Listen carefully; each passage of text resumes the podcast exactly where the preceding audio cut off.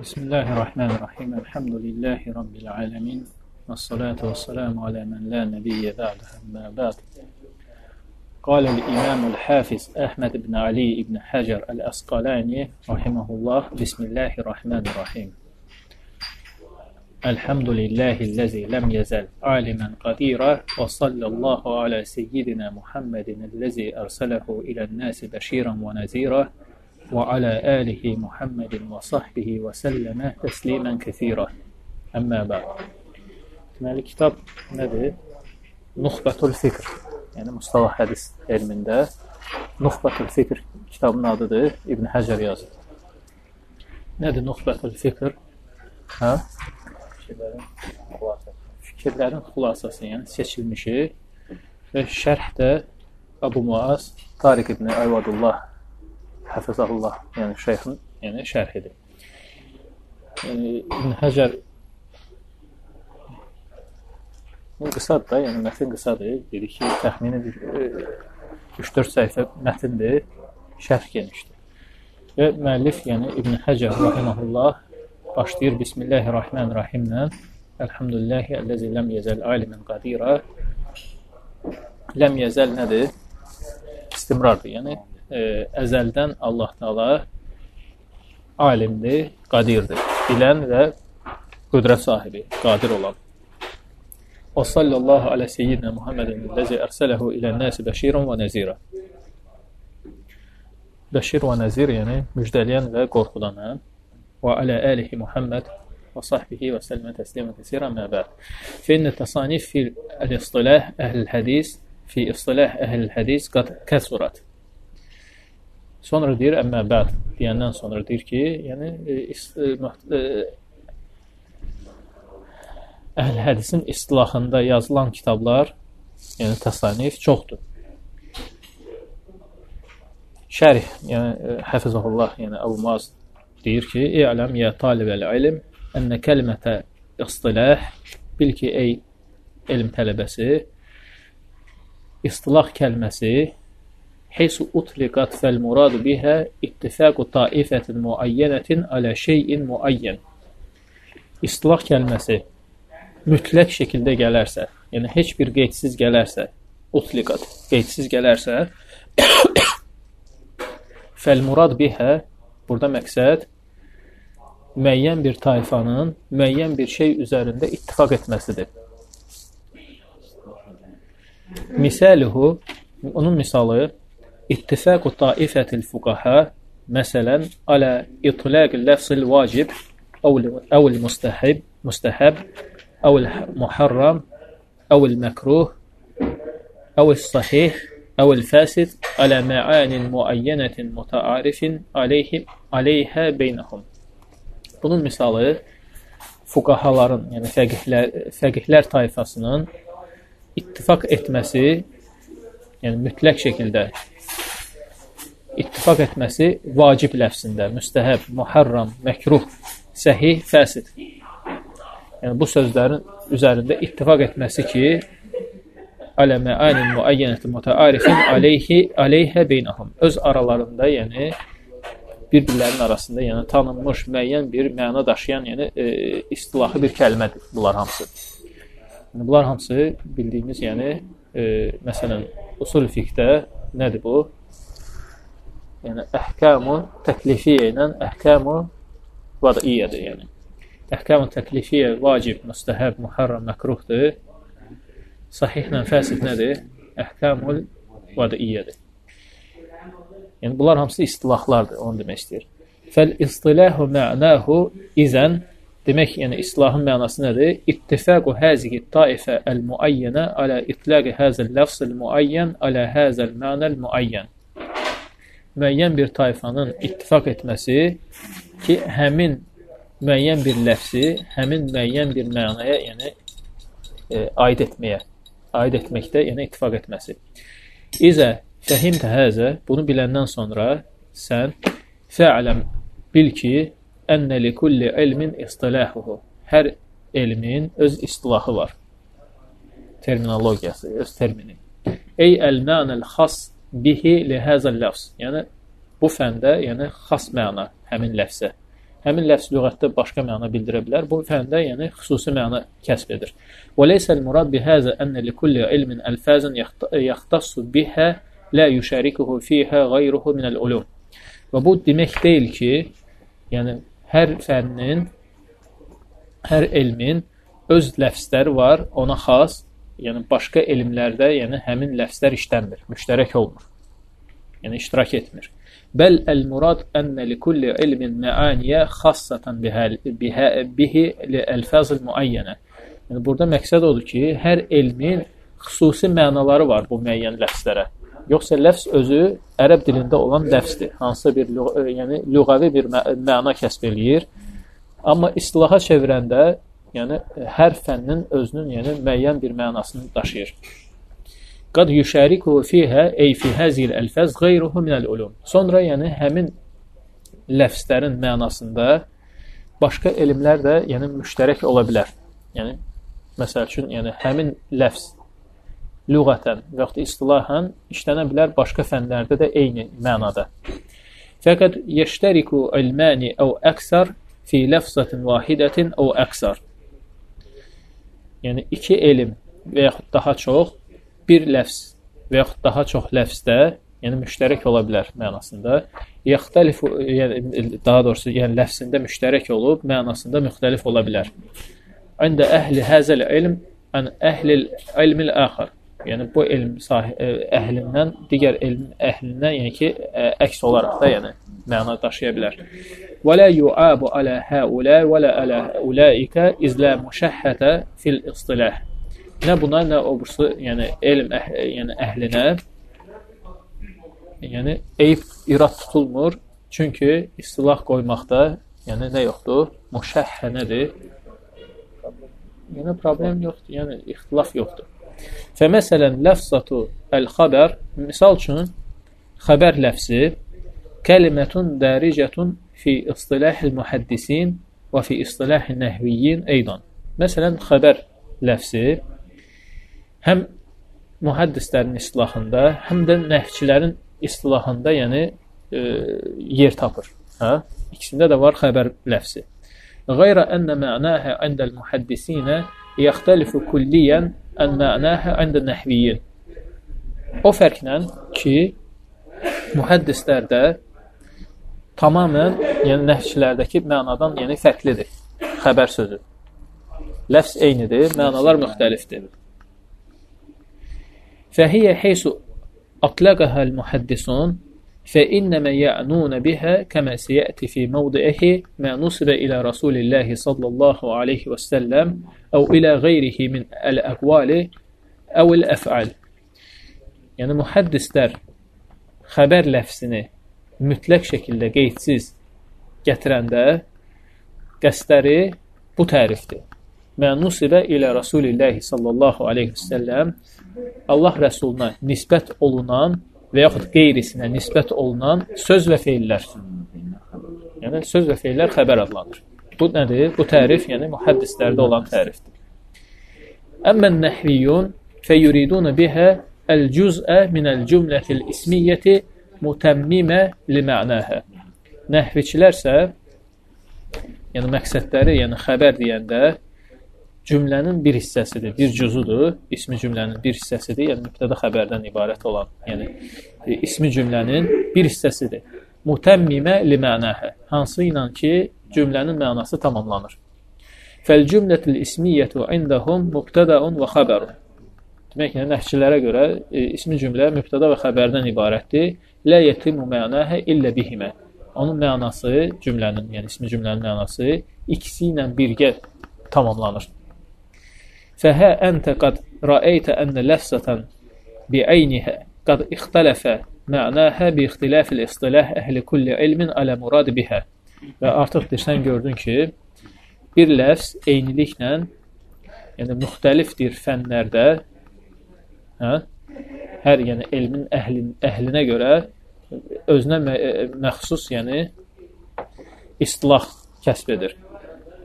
Fənəqulu vəl halu həkəzə və belə də yəni deyirik və hal da budur ki, istaləhə əhlül hədisə alə itlaq həzə ləfz aləl mənəl fulani beynəmə istaləhə əhlül lüğə alə itlaqihi alə mənan axar və la müşahhətə fil istilah. Yəni hədis əhli müəyyən ləfsə müəyyən istilah veriblər, aid ediblər. Yəni e, müəyyən bir məna aid ediblər. O vaxt ki, yəni lüğət əhli başqa istilah, yəni başqa başqa istilah, yəni həmin e, məna, həmin ləfsə yəni aid ediblər. Və ona görə deyirik ki, la müşəhhətə fi el-istilah. Yəni çəkişmə yoxdur. İstilahda, yəni istilah qoymaqda, yəni çəkişmə yoxdur. Bəl قد يستعمل اللفظ الواحد في العلم الواحد بأكثر من معنى لاختلاف القائلين. Hətta yəni görürsən ki, bir fənin özündə eyni ləfz bir neçə məna daşıya bilər. Yəni bir fənin özündə elə.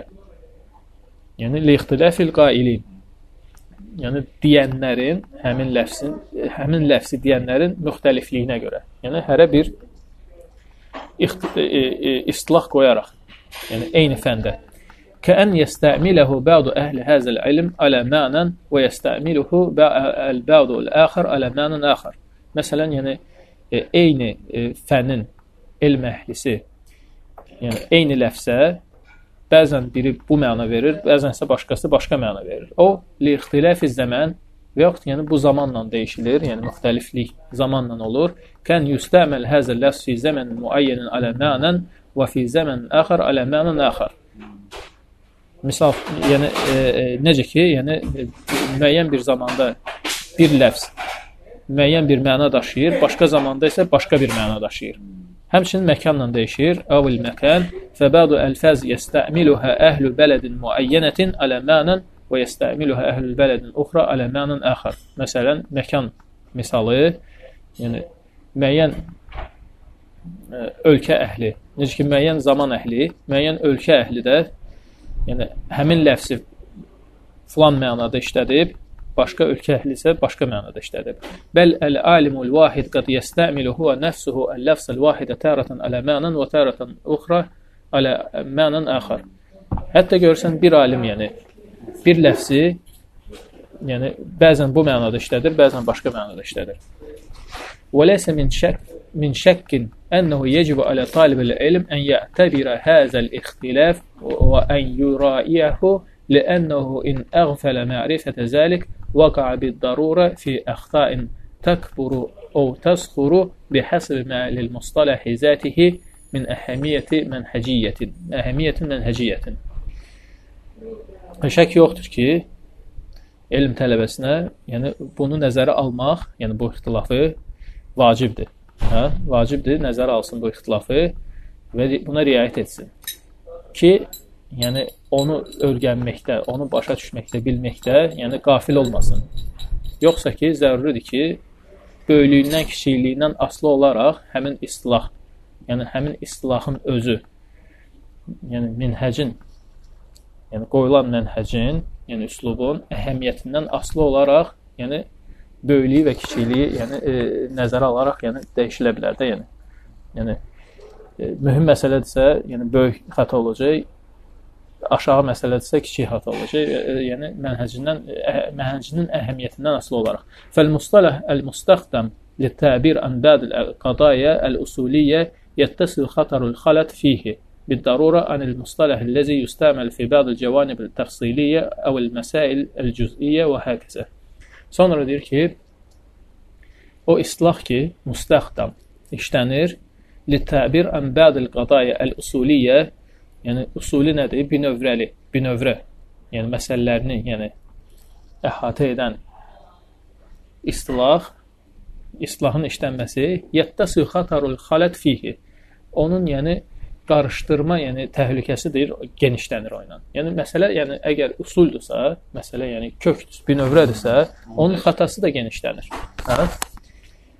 Bir darura, zəruridir ki, yəni bu cür nə olsun. Anil mustalah allazi yustamalu fi ba'd al-jawanib al-tafsiliyyə aw al-masail al-juz'iyyə. Hansı ki, ə, əksinə, yəni təfsilat və yaxud yəni cüzi məsələlərdə işlənilən, yəni mustalahda, yəni xəta eləsən, daha az problem olacaq. Hə? Yəni kulli qaydada xəta etmək istilahında daha problemlidir. Hə? Nəyə ki, cüzi məsələlərdə təfsilatda. Aydındır da, yəni bu, hə? Və həkəsə. Tənbihun, yəni tənbih nədir? Diqqətdə, yəni, hə? İ'ləm ənə talibə ilmil hədis innəmə yəhtemmu fi dirasəti ulumil hədis bi ma'rifəti istilahat əhlihi dunə qeyrihim. Bil ki, e, hədis elminin tələbəsi yəni maraq göstərməlidir, e, yəni hədis elmlərini öyrənməkdə. Yəni bu fənnin yəni əhlinin istilahlarını öyrənməkdə, qeyrilərini yox, qarışdırmasın deyə. Və o yətəni bil məani və dəlalət əlləti qasduha qasadaha el-muhaddisun min hazihi el-mustalahat la ghayruhum. Yəni o maraqlanmalıdır, yəni nə ilə? O mənalarla, o e, e, dəlillərlə, o işarələrlə hansını ki, yəni mühəddislər qəsd ediblər o sözdə. Yəni bu istilahda. Yəni başqalarının yox. Yəni, məsələn, yəni mustalahda yəni oxuyursan Mustalah kitabını, oradakı e, istilahlar keçir. İstilahlar keçir, yəni sən orada riayət etməlisən, yəni diqqət yetirməlisən deyə. Yəni mühəddislərin dediyi, yəni e, istilaha, nəinki məsələn usulçuların. Hə? Hətta o in istu'milat tilkal alfaz fi ghayri ilm al-hadis min al-ulum. Hətta yəni həmin ləfzlər, həmin e, digər yəni e, hədis elmindən, yəni ki, savayı elmlərdə işlənsə belə, yəni hədis e, elminin tələbəsi diqqət yetirməlidir o şeylərə. Hə. Və la yenbəği el-xaltu beynəl mənəl lüğəvi vəl-mənəl istilahi. Yəni olmaz ki, insan, yəni e, lüğə, lüğəvi məna, yəni islahi mənanı qarışdırmaq olmaz yəni. Və in kanat el-mustalahat ibaratan an alfaz lüğəviyyə. Baxmayaraq mustalahlar özləri, yəni terminlər özləri, yəni əslən lüğəvi ləfzlərdən götürülür. Hə? ولا شك أن علماء الحديث عند اختيارهم لها لاحظوا المعنى اللغوي لها. Şək yoxdur ki, yəni hədis alimləri yəni o istilahı seçərək, seçərkən, həmin ləfsə o istilahı seçərkən, o mənanı verən, verərkən lüğəvi mənanı nəzərə alıblar. Hə? İllə ənəhu yənbəği ən yəqifəl əmru ində həzəl qadr. Yəni nəzərə alıblar deyə Yəni həmin miqdarda da sən yəni dayanmalısan. Yəni nəzərə alınıb bu. Hə? Nəzərə alınıb, yəni sən yəni bu miqdarda da götürməlisən. ولا أن وأن لا يتصور أن المعنى الاصطلاحي يتوافق مع اللغوي من جميع الحيثيات أو من كل الجهات və təsəvvür etməməlisən ki, təsəvvür olunmamalıdır ki, istilahi məna mütləq lüğəvi məna ilə hər cəhətdən və yaxud hansısa bir cəhətdən uyğunlaşmalıdır. Hə? Yəni bütün tərəfdən, yəni uyğunlaşdırmaq, yəni şərti deyil. Aydındır? Yəni istilahi məna lüğətdən götürülüb, yəni lüğətdən payı var o mənada, amma o şərti deyil ki, yəni bütün lüğəvi mənalar yəni orada olmalıdır, cəm olunmalıdır. Aydındır bu?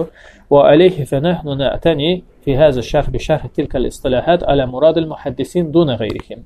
Və ona görə də biz bu dir şərhdə yəni e, o istilahları şərh edəcəyik ki, yəni o istilahlarla e, o istilahlar yəni maraqlandırır, hansını ki mühəddislər qoyublar. Aydındır? Onları şərh edəcəyik. Digərləri yox, yəni usulçilər, fuqaha yox. Və həzə huvəl-ləzi yə'ninə bi dərəcətil ulə və billahi tevfiq. Və bizə yəni ilk, yəni maraqlı olan, yəni ilk dərəcədə bulardır. Yəni mühəddislərin islahıdır. Və billahi tevfiq. Yəqulul müəllif rahimehullah, sonra deyir ki, müəllif rahimehullah deyir, fi inna tasanifə fi istilah əhlil hədis قد كسرت وبسطت واختصرت فسألني بعض الإخوان أن ألخص له المهمة من ذلك. فجبته إلى سؤاله رجاء الاندراج في تلك المسالك فأقول ومالف رحمه الله يعني ابن حجر رحمه الله تيركي فإن التصانيف في اصطلاح أهل الحديث قد كسرت. يعني حديث əhlinin istilah istilah barəsində, yəni mustalah barəsində yazdığı yəni kitablar çoxdur. Kəsurat çoxdur. Və bu sitat və geniş, yəni uzun uzadı danışılan var və ixtusirat və müxtəsərləri var. Fəsələni ba'dul ixvan ən uləxisə ləhu əl-muhimmə min zəlik. Və bunların içindən ən mühümni, yəni təlxis etmək, xülasasını yazmağa qardaşlardan bəzisi məndən tələb etdi.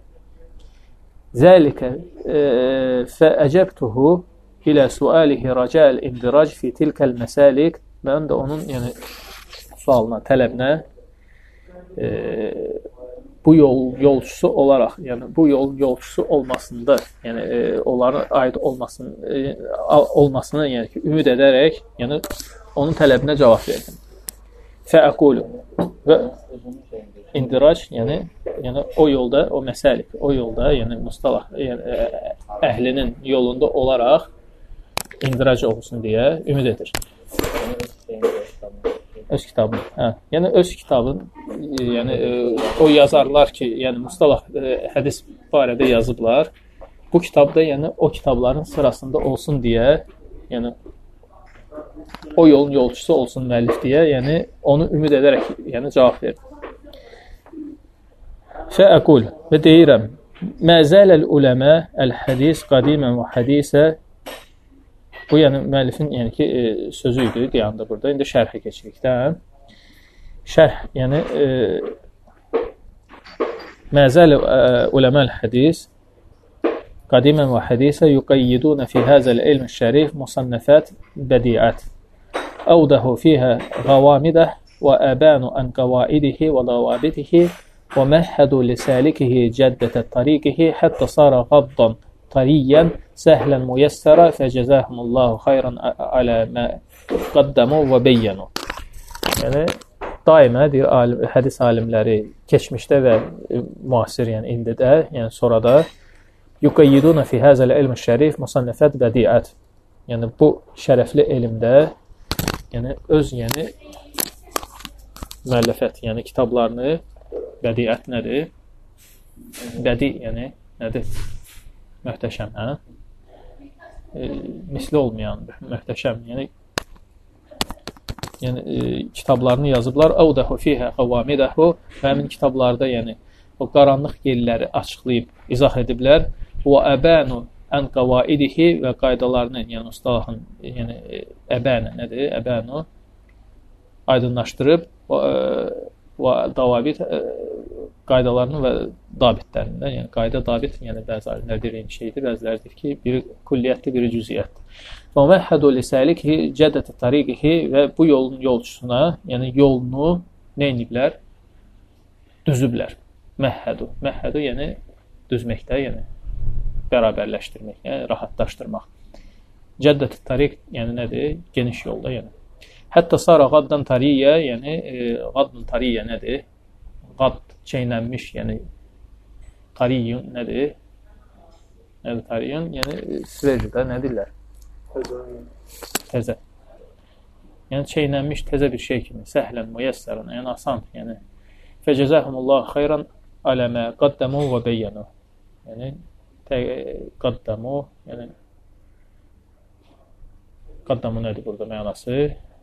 Yəni irəli çəkmək və izah etmək, bəyan etmək. Yəni ona görə deyir Allah deyir təqdim etmək, irəli çəkmək. Və iştəhərə ənə əvvəl mən sannəfə fi usul hədis əl-İmam Əbu Muhammed əl-Rəmə Hərmuzi Rəmə Hərmuzi və huvə el-Həsən ibn Abdurrahman ibn Xəllad el-mutavaffə fi am 60 və 200 min el-hicrə. Yəni ilk deyir, yəni bu usul hədis barəsində yazan, yəni məşhurdur ki, e, İmam Abu Muhammed Ramə Hərmuzi Ramə Ramə Hurmuzi adında bir şəxs yazır. O da kimdir? Həsən ibn Abdurrahman ibn Xəllətdir. 260 260-cı hicrətin 260-cı ilində vəfat etmişdir. Fəqad sannəfə fi zəlikə kitaban hafilə səməhu el-muhaddis el-muhaddis el-fasil beynə ravi vəl-va'i. Və bu barədə yenə kitab yazmışdı. E, adını da nə qoyub? Muhaddis Əl-Fasil Yəni, muhaddis Fasil ayıran Beyni ravi vəl-vai Ravi kimdir? Rəvayət edən vai kimdir? Yəni, dinləyəndə, yəni, səmi, yəni. Hə? Ravi, səmi. Yəqul Həfiz ibn Həcər fi şənihi ləkinnəhu ləm yəstəvib. Sonra Həfiz ibn Həcər rahiməhullah yəni deyir, yəni o kitab barəsində, yəni müəllifi barəsində ki, onu tam ödəməmişdir. Ləm yəstəvib, yəni tam ödəməyib. Yəni ha, ə, hardasa yəni qalıqlar var ki, tamamlanmağa ehtiyac var. ثم جاء من بعده الإمام أبو عبد الله محمد بن عبد الله النيسابوري الحاكم صاحب المستدرك على الصحيحين المتوفى في عام 5400 من الهجرة وقد صنف في هذا الفن كتاب معرفة علوم الحديث ويقول الحافظ ابن حجر في şənihi illə ənəhu ləm yuhazzib və ləm yurattib. Sonra ondan sonra, yəni bu imamdan sonra digər imam gəlir, yəni davam edir yəni bu işi. Abu Abdullah Muhammed ibn Abdullah Nisaburi hakim adı ilə məşhur olan Mustadrak alə Sahihən kitabı kitabının müəllifi. 405-ci il, Hicrətin 405-ci ilində vəfat etmiş. Və qad sannəfə fi hazal fənn kitab Ma'rifatu ulumul hadis. Və bu barədə, yəni bu fən barə, bu fəndən, yəni Ma'rifatu ulumul hadis kitabını yazır. Və Hafiz ibn Həcər rahmehullah bunun barəsində də deyir, yəni bu kitab barəsində, yəni bu kitab yaxşıdır, hə? Amma təhzib etməyib bablarını, yəni e, bölməyib, yəni tərtib etməyib. Yəni oradan buradan, yəni e, qarışıq qarışıqlı şəkildə yazılıb. Sonra gəl İmam Əbu Nuaym Əhməd ابن عبد الله الأسبهاني متوفى في عام 30 و400 من الهجرة فعمل على كتاب الحاكم مستخرجا قال الحافظ ابن حجر وأبقى أشياء أشياء للمتعقب Sonra İmam Abu Nuaym Əhməd ibn Abdullah Əl-Əsbəhani gəlir. Hicrətin 430-cu ildə ilində 430-cu ilində vəfat edib və e, həkimin, yəni kitabına nə yazır? Mustaxrac. Mustaxrac nədir? İstixrac etmək, yəni çıxarılış, çıxarış. Yəni qeydlər, qeydlər eləyir. Qalə Həfiz ibn Həcər, İbn Həcər rahimehullah buna da deyir ki, və əbqə şiəən özündən sonra e, təqib olunası şeylər qoyub. Yəni suallar qoyub ki, o yəni araştırılmalıdır. Yəni müxalif danışıq. Yəni sonra gəl Hafiz el-Kəbir el-İmam Əbu Bəkr Əhməd ibn Əli ibn Sabit ibn Əhməd ibn ibn Mehdi el-Məruf bil-Xatib el-Bağdadi mutawaffa fi am 3 وستين وأربعمائة من الحجرة وصنف كتابا في أصول الرواية سماه الكفاية في معرفة أصول علم الرواية وفي آدابها كتابا سماه الجامع للأخلاق الرابع وآداب السامي Ondan sonra yani Əl-Hafizul Kəbir, böyük, yəni hafiz, İmam Əbu Bəkr Əhməd ibn Ali ibn Səbit ibn Əhməd ibn Mehdi Xatib əl-Bəqdadi adı ilə məruf olan hicrətin 463-cü ilində vəfat edən və e, bu barədə yəni Kifayə fi mərifəti usul ilmi rivayə adında kitabı yazan, yəni. Və həmçinin yəni e, sanəfi kitabən fi usul rivayə. Yəni Usul rivaya. Nədir usul rivaya? Rivayanın, yəni usulu, yəni əsl usul binövrəsi rivayədə. Bir də ki ədəb, ədəb kitabı. Yəni buna aid olan ədəb kitabı, onu da adlandırır nə? Əl-Cəmi lil-əxlaqir ravi və ədəb-səmi. Ravinin əxlaqı və dinləyənin ədəbi barədə, yəni cəm olunan, cəm olunan məlumat, yəni. Sonra qal el-Hafiz ibn Həcər İbn Həcər buna da yəni e, təliq edərək nə deyir? Və qallə fənnun min fununil hədis illə və qad sannəfə fihi kitaban mufradan kənə kəmə qaləl Hafiz Əbu Bəkr ibn Nuqata kullu mən ansafə alimə ənəl muhaddisinə ba'dəl xatib iyalun alə kutubihi. Buna da yəni təliq edərək İbn Həcər rahmehullah deyir ki, yəni hədis fənnindən elə bir yəni az bir fən var ki, yəni orada yəni e, həmin Xatib Əl-Bəqdadi bir kitab, yəni müstəqil bir kitab yazmasın.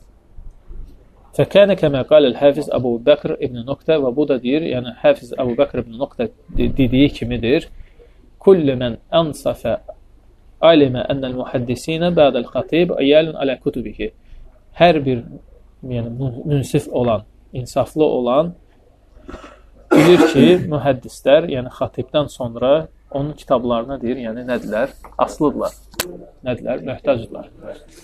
Sümmə cəə min bəd həulə əl-qadı e, İyad ibn Musa, e, Musa əl-Yəhsabiyyu əl-mutavafi fi am 40 və 40 və 500 min əl-hicrə. Ondan sonra Qadı İyyad İbn Musa Əl-Yəhsabi adında şəxs gəlir. 544-cü il, hicrətin 544-cü ildə vəfat etmişdir. Fəsannəfə kitabən fi turuq təhəmmülil hədis və rivayətihi və o da yəni kitab yazır, yəni turuq təhəmmül əl-hədis, yəni hədisin rəvayət rəvayətləri var, yəni turuqları barəsində سماه الإلماع في ضبط الرواية وتأكيد السماع. كتابنا من أطلاندر الإلماع في ضبط الرواية وتأكيد السماع. ثم جاء من بعدهم أبو حفص عمر بن عبد المجيد القرشي المعروف بالميانجي ondan sonra Abu Hafs Omar ibn Abdülmecid el-Kureşi Meyenci ad, adıyla məruf olan, tanınmış hicrətin 580-cı ilində vəfat etmiş, mütəvəffə fi am 80 və 50 min el-hicrə və sənəfə cüz'ən səğirən səmməhu mə lə yəsəl muhaddisu cəhləhu. Və o da yəni qısa bir yəni kitab yazır, cüz. Cüz nədir? Yəni məsələdə bir hissədə, yəni hansı bir fəndə bir hissə, bir hissə yazır. Mə lə yəsəu el-muhaddisu cəhləhu adı belədir. إلى أن جاء الحافظ العلامة أبو أمر عثمان بن عبد الرحمن الشهرزوري الدمشقي المعروف بابن صلاح المتوفى في عام في عام ثلاث وأربعين وستمائة ستمائة من الhicrə. Ondan sonra gəlir Hafiz Allamə Abu Amr Osman ibn Abdurrahman Əş-Şəhruzuri Əd-Dəməşqi İbn Salah adı ilə məşhur olan hicrətin 643-cü ilində vəfat etdi. Yəqulul Hafiz ibn Həcər İbn Həcər rahimehullah deyir: "Fəcəmə'a ləmmə valiyə tədrisəl hədisi bil mədrəsətil əşrakiyyə kitabəhu el-məşhur fəhəzzəbə fununehu və əmləhu şeyən bədə şey fəlihəzə ləm yəhsul tərtibuhu alə vada'i el-mutanasibi واعتنى بتصانيف الخطيب المفرق المفرقة. يعني ابن حجر يعني بارس ندير فجمع جمدر يعني كتابه المشهور يعني المشهور كتابنا جمدر نوقت لما ولي تدريس الحديث بالمدرسة الأشركية أشرقية مدرسة سندا يعني ها؟ أشرقية هذا سندا أشرفية. Əşrəfiyyədir. Əşrəfiyyə mədrəsəsindəki yəni hədis tədrisinin yəni ki, e, başçılıq edəndə bu kitabı yazır, məşhur bu kitabı yazır. Yəni e, hansı kitabı? Muqaddimət ibn Salah adında, yəni məşhur olan hə? Ulumul hədis və yaxud adında e, müxtəlif adları var. Fəhəz fəzzə həzzəbə fununəhu, yəni hədis elmlərinin orada təhzib edir. Təhzib nə edir? Yəni bölür də, yəni məsələlərə bölür. Və əmləhu təmizləməkdə həzzəbə. Və əmləhu şeyən bədə şey və hissə-hissə, yəni dolduraraq fəlihəzə ləm yəhsul tərtibuhu əl-vəd'il mutanasibi. Ona görə onun tərtibi, yəni münasib bir qoyuluşda qoyulmayıb. Və ətənə bi təsanifil xatib əl-müfərriqə. O da yəni e, Xatib əl-Bəğdadinin müxtəlif, yəni e, kitablarından, yəni qaynaqlanır maraq göstərir. Fəcəmə e, şətət məqasidihə və yəni Xatib el-Bağdadinin məqsədləri müxtə, yəni müxtəlif yerlərdə yazdığını toplayır bura. Vadammə ileyhə min qeyrihə və başqa faydaları da ona əlavə edir. Muxab fəvaidihə, yəni seçilmiş faydaları fəştəmə fi kitabihi mə təfərrəqə fi qeyrihi və bu kitabda toplanır başqa kitablarda ayrı-ayrı gələn şeylər. Hə? Ayrı kitablarda ayrı-ayrı gələn şeyləri bu kitabda bir yerə toplayır. Və lihəzə aqəfə ən-nas alayhi. Ona görə insanlar yəni otururlar bu kitaba. Və saru bi seyrihi və o yolu tuturlar. Yəni bunun yolunu tuturlar. Yəni təlifdə, yəni kitab yazmaqda, mustalahda, yəni bunun yolunu tuturlar. Yəni bu üslubda yazırlar. Fələ yuhsa kəm nazimin ləhu və muxtasarin. Və sayıl, e, e, sayı bilinməz qədərdir. Yəni onun, yəni nazim yəni onun şeir, şeirini yazan, məsələn, əlfiyalar, o yəni hamısı Ulumul hədisin, yəni şeirləri, şeiri, nazmlarıdır, nazmlarıdır. Və muxtəsərləri həmçinin. Muxtasar Ulumul hədis məsəl üçün İbn Kəsirin. Və mustadrik mustadrakin alayhi və muxtasarin və muaridin lahu və muntasarin. Muntasirin. Həmçinin ona düzəliş verənlər o kitaba mustadrik alayh muxtasir, yəni ixtisar edən e, qasır. Və muarid lahu ona etiraz edən, yəni nöqsanlarını tutan, nukatlar gətirən və muntasir və ona kömək edən, yəni intisar edən. Yəni o kitabın yəni marağı artır yəni. Biri tənqid edir, biri istidrak edir, düzəliş verir, biri müxtəsər edir, biri nazm edir. Hə, üst, üstündə işləyirlər. Qultu və kitabuhu həzə huvəl musamma bi ulumul hədis və yurafu bi muqaddimət ibn Salah və Mədxəl ibn Salah və Kitab ibn Salah. Yəni bunlar hamısı mərufdur. Yəni İbn Salahın bir kitabıdır, müxtəlif bu adlarla tanınır. Və mimmən nazamahu el-Hafiz Zeynuddin el-Iraqi vəl-Hafiz Celaləddin es-Suyuti kullun fi elfiyyəti. Və bunun nazma çevirən Həfiz Zeynəddin Əl-İraqi, bir də Həfiz Cəlalüddin Əs-Suyuti, yəni buna nazma çeviriblər. Yəni şeirə çeviriblər. Yəni bu kitabı hər birisi də əlfiyə yazıbdır. Yəni əlfiyə nədir? Min beyt. Yəni nədir? İraqinin əlfiyəsi İbn Salahın müqəddiməsi üzərində qurulubdur. Yəni o tərtiblə, o cürlə eyni kitabı hələ bir ki nazm edib. Ondan sonra gəlir e, Həfiz Cəlaluddin Əs-Suyuti düzəlişlər verir İraqinin əlfiyəsinə, əlavələr edir. Və mimmen ixtasarahu Şeyh Şərifuddin Ən-Nəvavi və İbn Kəsir və İbn Cəmaə rahimehumullah cəmiən. Və ondan sonra da yəni e, ixtisar eləyənləri sayır. Kimlərdir? Məsələn, yəni Şərifuddin Ən-Nəvavi, məsəl üçün Tadribur Ravi, e, İbn Kəsir, yəni Muxtasar Ulumul Hədis nədir? Necə? E, İmam Nəvəvi sonra gəlir. Hə. Bəs İbn Salah, yəni ə, ə, o Nəvəvinin 40 hədis kitabını əs əslini İbn Salah qoyub. İbn Salah 27 hədis yazıb. İmam Nəvəvi gəlir 42 eləyir. Ondan sonra İbn Rəcəb 50 eləyir. İbn Kəsir və İbn Cəməə, İbn Kəsir də bilirik də, yəni hansıdır? Bəzi xəsis, yəni Əhməd Şakirin təliqləri iləndir. Muxtasar Ulumul Hədis kitabındadır. İbn Kəsirin.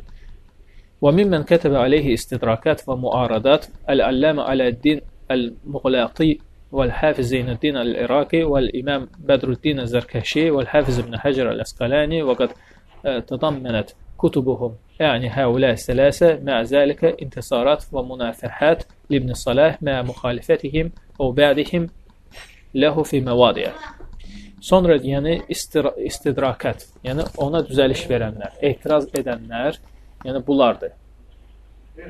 Muğlətai, ondan sonra yəni bu üç şeyx, yəni Zərkəşi, İraqi, bir də İbn Həcər, bunlar yəni İraqi ilə xüsusən İbn Həcərin nukatları var. Yəni İbn Salahın müqəddiməsinin nukatları var.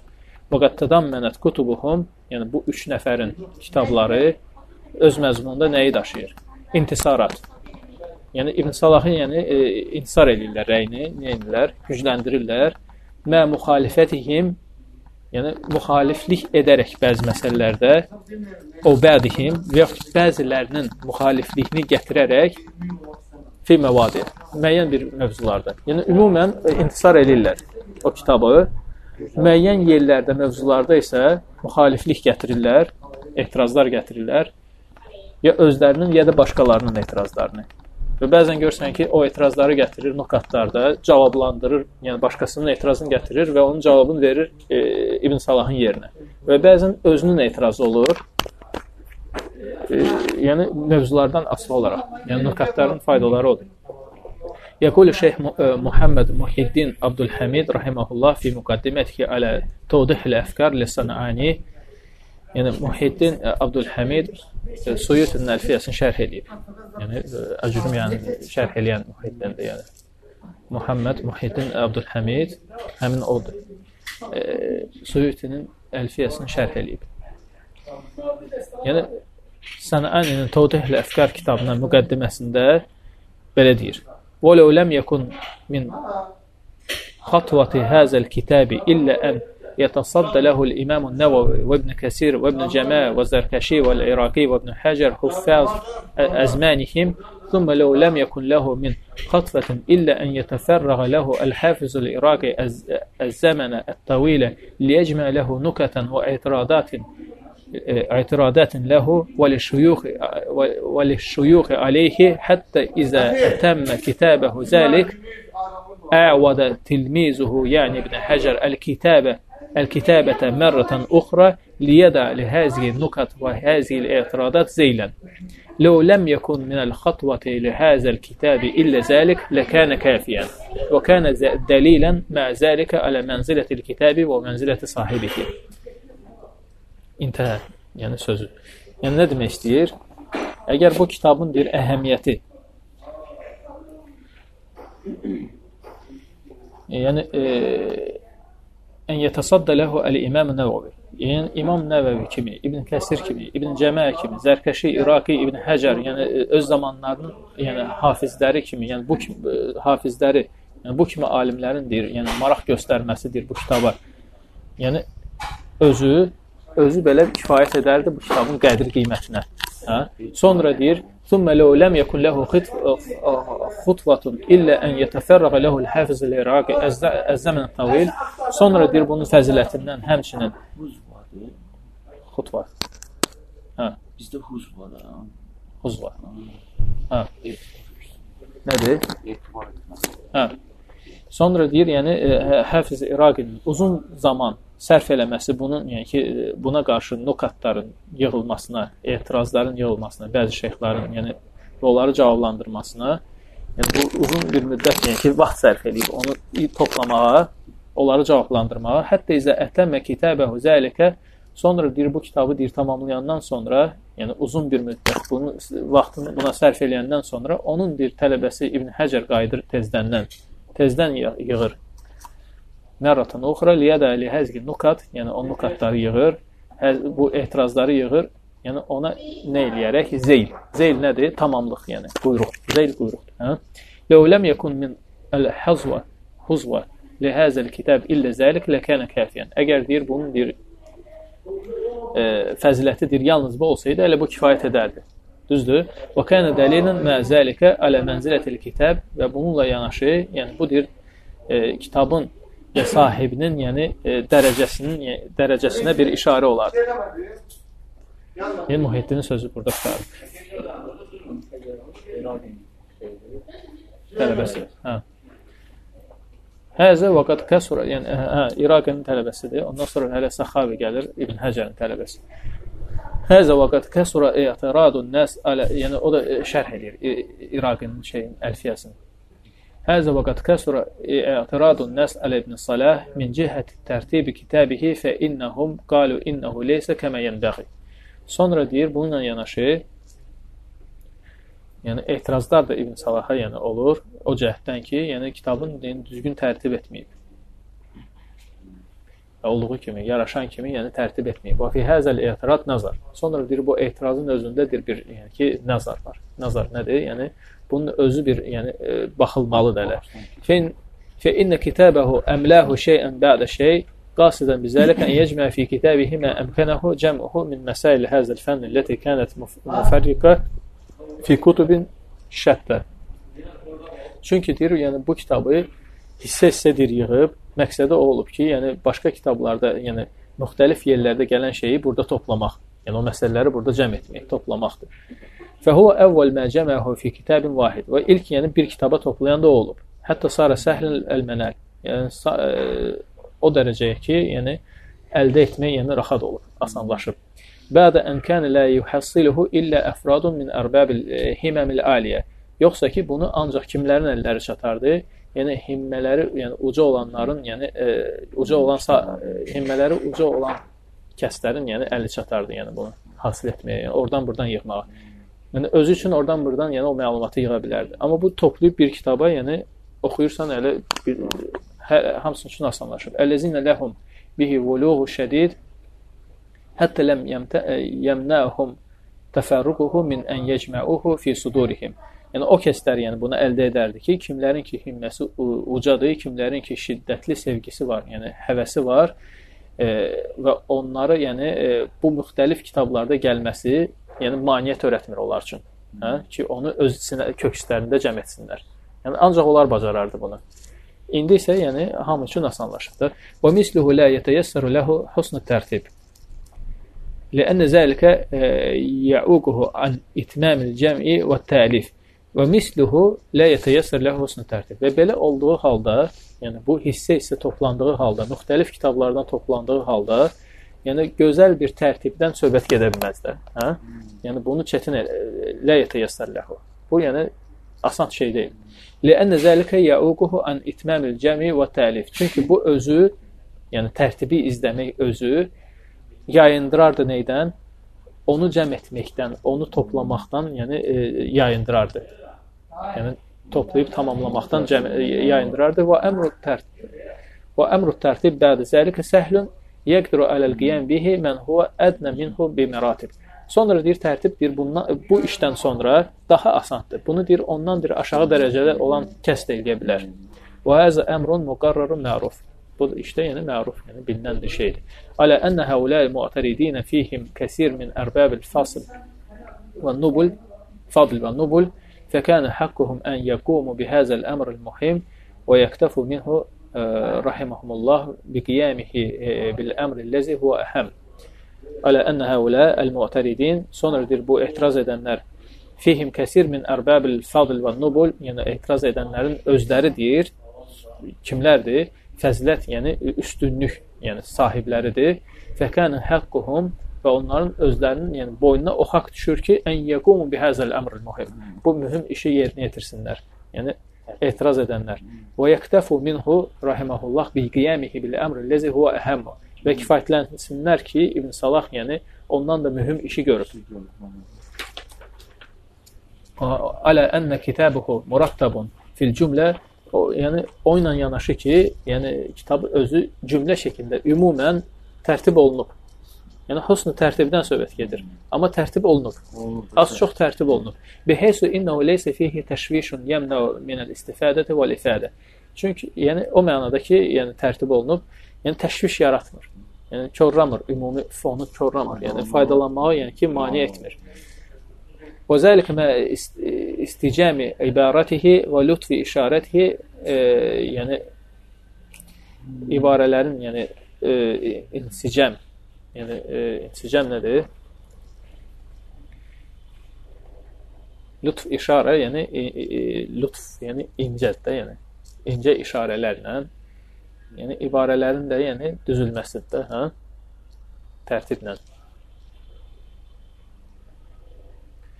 Na'am, qad zəkərə əşya fi məvadin rubbama kana ghayruha əşədd münasibatan minha. Düzdür, bəzi yerləri, yəni elə şeylər gətirir ki, e, daha münasib olardı başqa şey deyəsən orada. İllə ənə zəlikə qalilun binisbə ilə qeyrihi.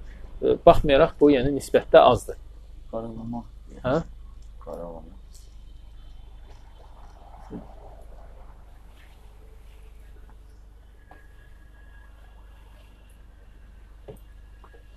Yox, səxxəməyə baxmısan, başqa şeydir.